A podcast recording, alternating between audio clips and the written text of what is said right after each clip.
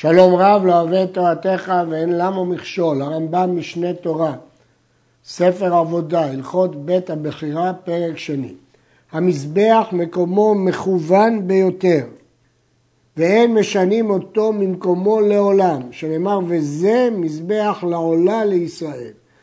יש להדגיש שנלמד בהמשך שאפשר להוסיף עליו מהצדדים, אבל מקומו מכוון ביותר. ובמקדש נעקד יצחק אבינו, שנאמר ולך לך אל ארץ המוריה, ונאמר בדברי הימים ויחל שלמה לבנות את בית השם בירושלים בהר המוריה אשר נראה לדוד אביהו אשר הכין במקום דוד בגורן אורנן היבוסי. ומסורת ביד הכל שהמקום שבנה בו דוד ושלמה המזבח בגורן ערבנה הוא המקום שבנה בו אברהם המזבח ועקד עליו יצחק. זה שהעקדה הייתה בהר המוריה, זה מפורש בתורה. אבל זה שהמקום של המזבח הוא אותו מקום שאברהם עקד את יצחק, זה במסורת. והוא המקום שבנה בו נוח כשיצא ממנו מן התיבה. הוא המזבח שהקריב עליו קין והבל, וכן הקריב, ובו הקריב אדם הראשון כשנברא קורבן, ומשם נברא. אמרו חכמים, אדם ממקום כפרתו נברא.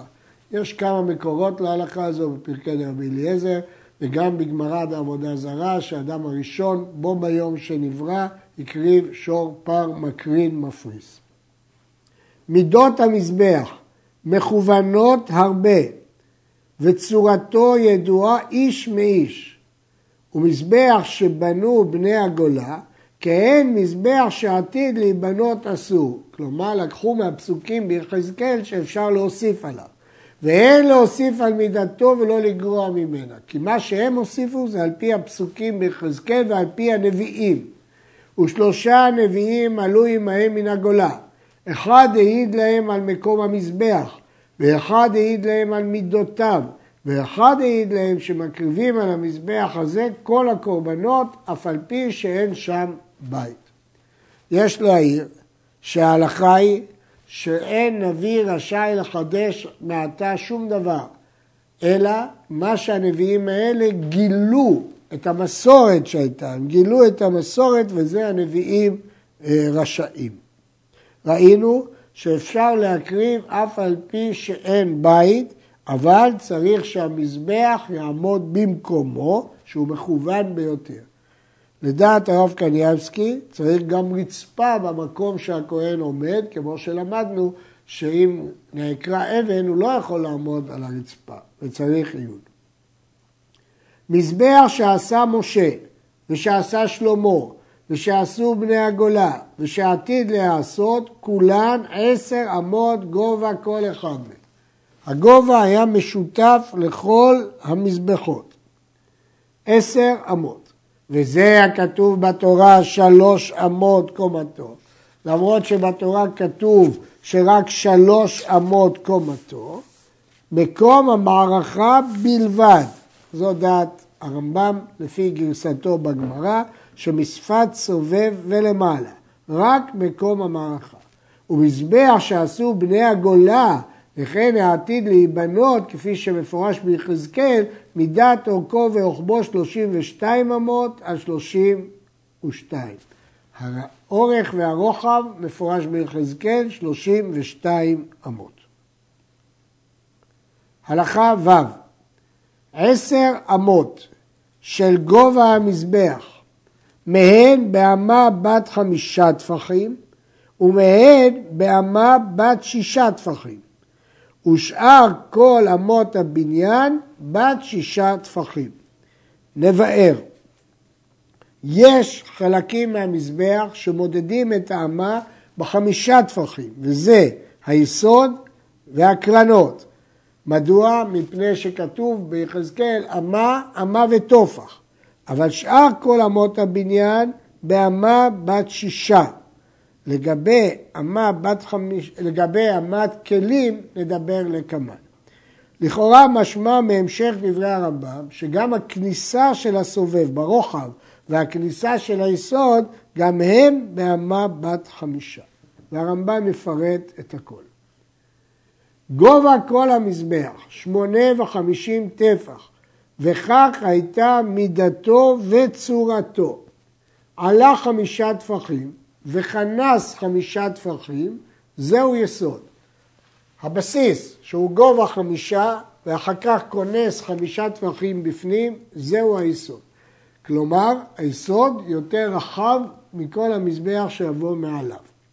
נמצא, אחרי שכנס, רוחב שלושים אמה ושני טפחים, על רוחב שלושים אמה ושני טפחים, כיוון שהוא כנס. עלה שלושים טפח וכנס חמישה טפחים, זהו סובב. נמצא, השלב הבא, רוחבו שמונה ועשרים אמה וארבעה טפחים, על שמונה ועשרים אמה וארבעה טפחים. ומקום הקרנות, אמה מזה ואמה מזה סביב, וכן מקום רגלי הכהנים אמה סביב, נמצא מקום המערכה רוחב ארבע ועשרים אמה וארבעה טפחים על ארבע ועשרים אמה וארבעה טפחים. אם כן, מקום המערכה הוא עשרים וארבע אמות וארבעה טפחים.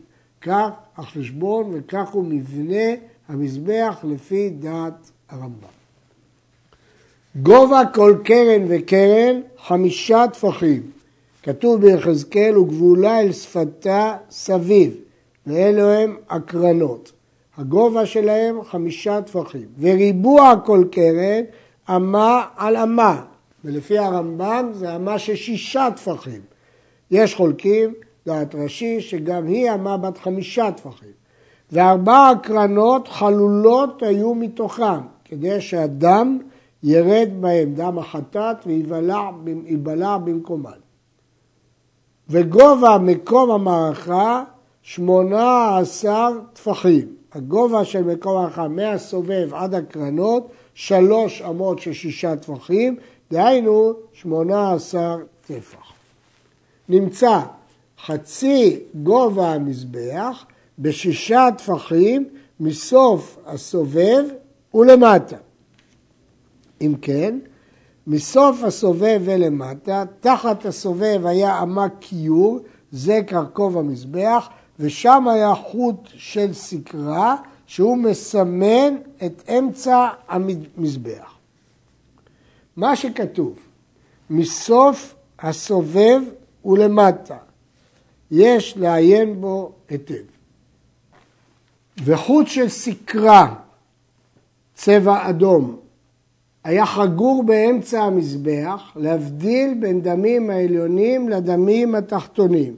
יש דמים שחטאת ועולה, יש שצריך לתת למעלה ויש שצריך לתת למטה, כפי שנלמד במעשה הקורבנות, והסימן היה חוט של סקרה. ונמצא גובהו מן הארץ עד מקום המערכה תשע אמות פחות טפח. הסיבה היא כי הקרנות הן באמה בת חמישה טפחים. וזוהי צורתו לפי מידותיו, וכאן צייר הרמב"ם בכתב ידו את ציור המזבח כפי שמופיע במהדורות המתוקנות וגם במהדורה שלנו. יסוד המזבח לא היה מקיף מארבע רוחותיו כמו הסובב, אלא היה יסוד משוך כנגד כל רוח צפון ומערב, ואוכל בדרום אמה אחת ובמזרח אמה אחת, וקרן דרומית מזרחית לא היה לה יסוד. יש לשים לב, היסוד היה משוך בכל רוח צפון ובכל רוח מערב, אבל בדרום ובמזרח היה בו רק אמה אחת. כך היה בבית שני וכך מפורש במשנה.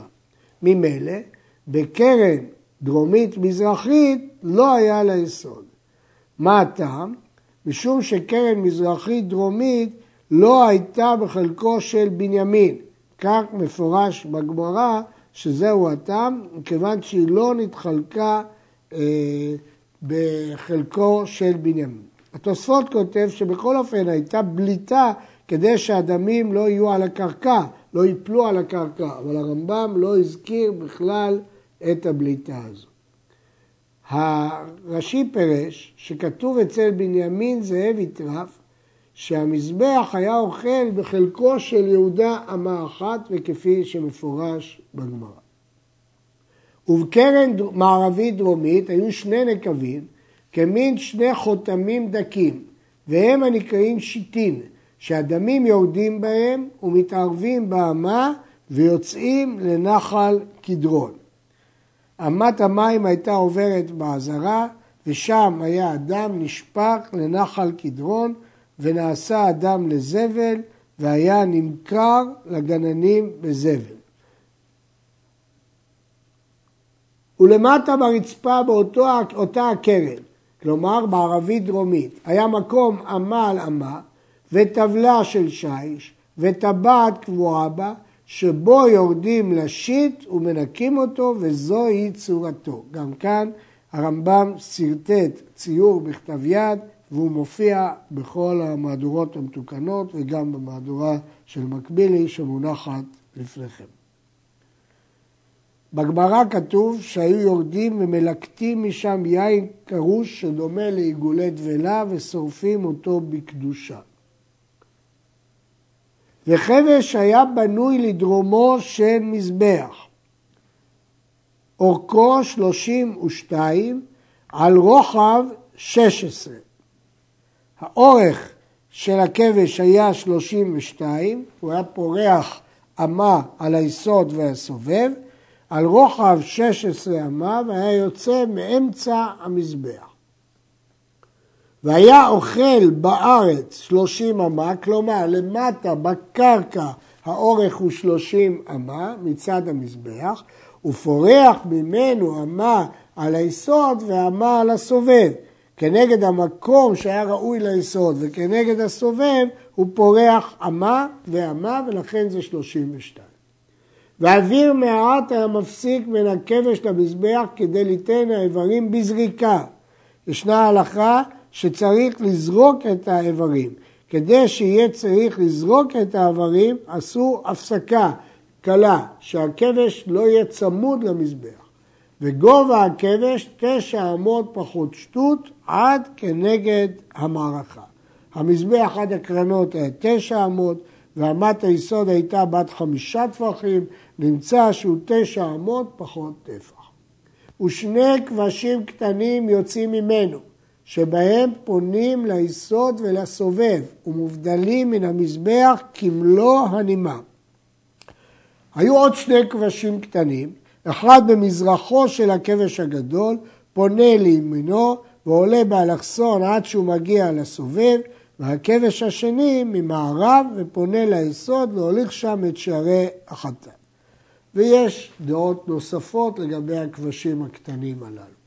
וחלון הייתה במערבו של כבש, אמה על אמה, ורבובה הייתה נקראת, שבה נותנים פסולי חטאת העוף עד שתעבור צורתה ותצא לבית השרפה. חלון, דהיינו מקום רבע חלול, רבובה מלשון נבוב כמו חלול, ששם היו שמים את הפסולים עד שיפסלו בנותר ואי אפשר יהיה לשורפם. דעת הראב"ד פה שהחלון הוא דבר נפרד והרבובה דבר נפרד.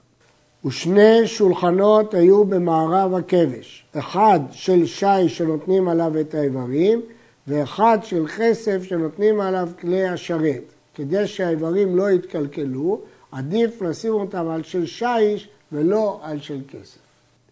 כשבונים המזבח, בונים אותו כולו אטום כמין עמוד, ואין עושים בו חלל כלל, אלא מביא אבנים שלמות גדולות וקטנות, ומביא סיד וזפת וקוניה, וממחה ושופך לתוך מלבן גדול כמידתו, ובונה ועולה.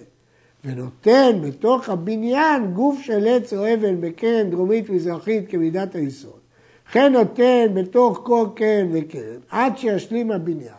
ויסיר הגופים שבתוך הבניין כדי שתהיה קרן דרומית מזרחית בלא יסוד וישארו הקרנות חלולים. כל מקור שצריך להיות חלול, מכניס שם בול עץ, וכשיסיים את הבניין מוציא את קורת העץ. ארבע קרנות של מזבח ויסודו וריבועו מעכבים, וכל מזבח שאין לו קרן ויסוד וחבש וריבוע הרי הוא פסול, שארבעתם מעכבים. אבל מידת אורכו, מידת רוחבו, מידת קומתו אינן מעכבים, והוא שלא יפחות מאמה על אמה ברום שלוש אמות כשיעור מקום המערכה של מזבח המדבר.